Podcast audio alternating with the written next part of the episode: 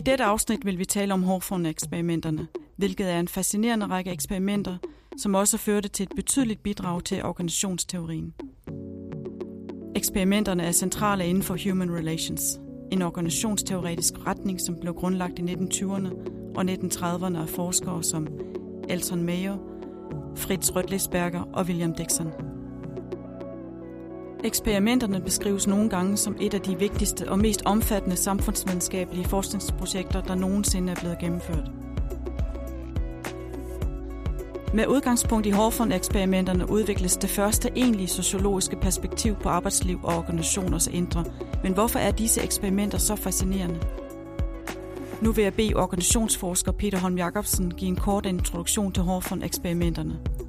Her vil han komme ind på, hvad forskerne fandt frem til i eksperimenterne, nogle centrale begreber samt teoriens relevans i forhold til i dag. Hawthorne-eksperimenterne blev udført på Hawthorne Works fabrikker i Chicago, hvor der blev fremstillet udstyr til telefonindustrien. Fabrikken var en enorm fabrik med mange tusind arbejdere ansat. Den første fase var belysningsforsøgene, som skulle påvise, at belysning førte til øget produktivitet. Elektricitetsindustrien påstod, at øget belysning kunne give produktionsforbedringer på 15 procent. Der var to overraskende elementer i belysningsforsøgene. For det første, så kunne man registrere en stigning, som var uafhængig af lysstyrken i rummet, hvor forsøgsgruppen arbejdede. Selv når lyset blev kraftigt reduceret, steg produktiviteten. For det andet, så observerede forskerne en endnu større stigning i produktiviteten hos kontrolgruppen, som forskerne fulgte med samme opmærksomhed som forsøgsgruppen. Forskerne lykkedes altså ikke med at isolere en effekt ved belysningen. Forsøgene førte til, at man blev opmærksom på betydningen af ledelsens opmærksomhed for arbejdernes produktivitet. Et andet af eksperimenterne blev kaldt The Relay Assembly Room.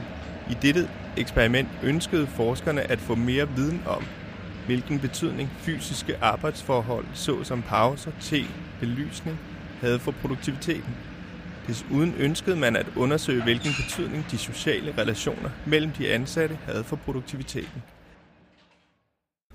Til eksperimentet isolerede man seks kvinder fra produktionshallen i relæ-samlerummet, hvor de samlede relæer dagen lang. Desuden overvågede man kontinuerligt de sociale interaktioner mellem kvinderne.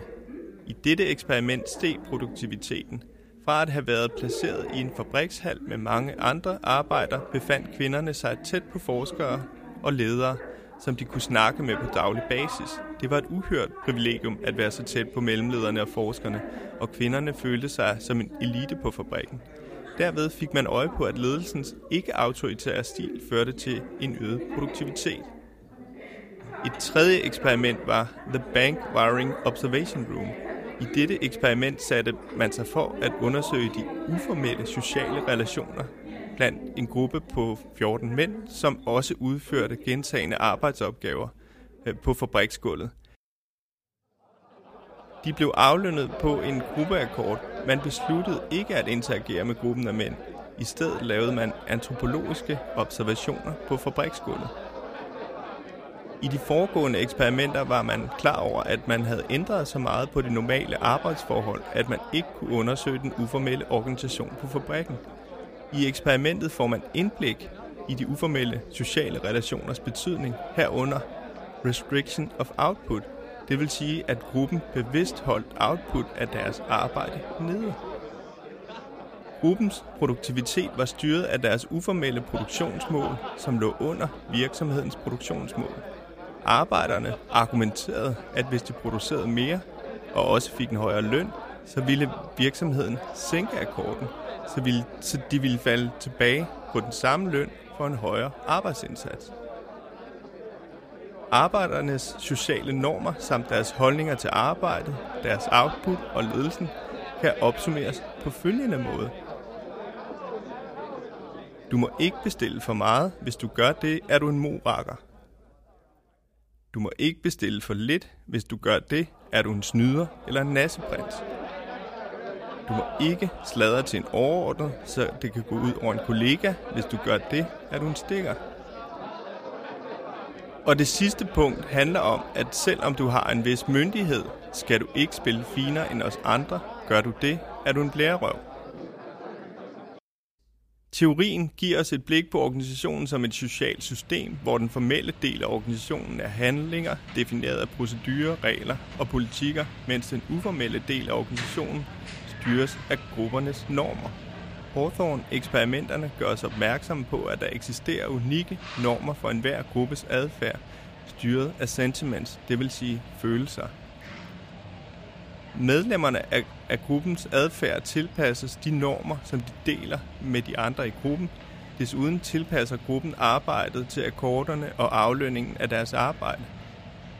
Ifølge Rotlesberger og Dixon, så er det ledelsens opgave at forsøge at skabe rammerne omkring den formelle organisation, og ikke mindst den uformelle del af organisationen. Hvordan kan teorien anvendes i dag? Nutidens medarbejdere er ligesom arbejderne i Hawthorne-eksperimenterne refleksive omkring deres arbejdsindsats. Med udgangspunkt i Hawthorne-eksperimenterne kunne man som ledelse i en organisation tænke over, hvordan man som organisation belønner individ eller gruppen med opmærksomhed, privilegier og økonomiske bonusser. I mange organisationer, private såvel som offentlige, har man indført individuelle økonomiske bonusser, som skal motivere medarbejderne til at yde en ekstra indsats i varetagelsen af arbejdsopgaver. Individuelle bonusser kan muligvis få medarbejderne til at yde en ekstra indsats. Spørgsmålet er, om udsigten til en økonomisk bonus altid er passende. Problemet er, at mange arbejdsopgaver i organisationer bliver udført af medarbejdere, som løser arbejdsopgaver i grupper, og man kunne argumentere for, at belønning af individuel performance ikke nødvendigvis er hensigtsmæssig i moderne arbejde. Ja, måske kan individuelle bonusser ligefrem spænde ben for organisationens produktivitet på længere sigt, hvis ledelsen udelukkende belønner individuelle præstationer og dermed risikerer at indføre belønninger, som bryder med gruppens normer. Med udgangspunkt i indsigterne fra Hawthorne-eksperimenterne kunne man argumentere for, at man måske kunne indføre kollektiv bonusser, hvis gruppens medlemmer præsterede særligt godt. Vi har i podcasten været inde på to vigtige videnskabelige bidrag til organisationsteorien, som Hawthorne-eksperimenterne førte til. For det første så viste eksperimenterne eksistensen af uformel organisation blandt arbejderne på fabrikken. For det andet så begrebsliggøres gruppen og herunder betydningen af medarbejdernes sociale gruppetilhør. Det vil sige, at organisationens formelle struktur altså ikke er det eneste, der har betydning for medarbejdernes adfærd og for organisationens samlede performance. Ja, faktisk så konkluderede forskerne bag eksperimenterne Fritz Røtleksberger og William Dixon, at den uformelle struktur er vigtigere end den formelle struktur for organisationen.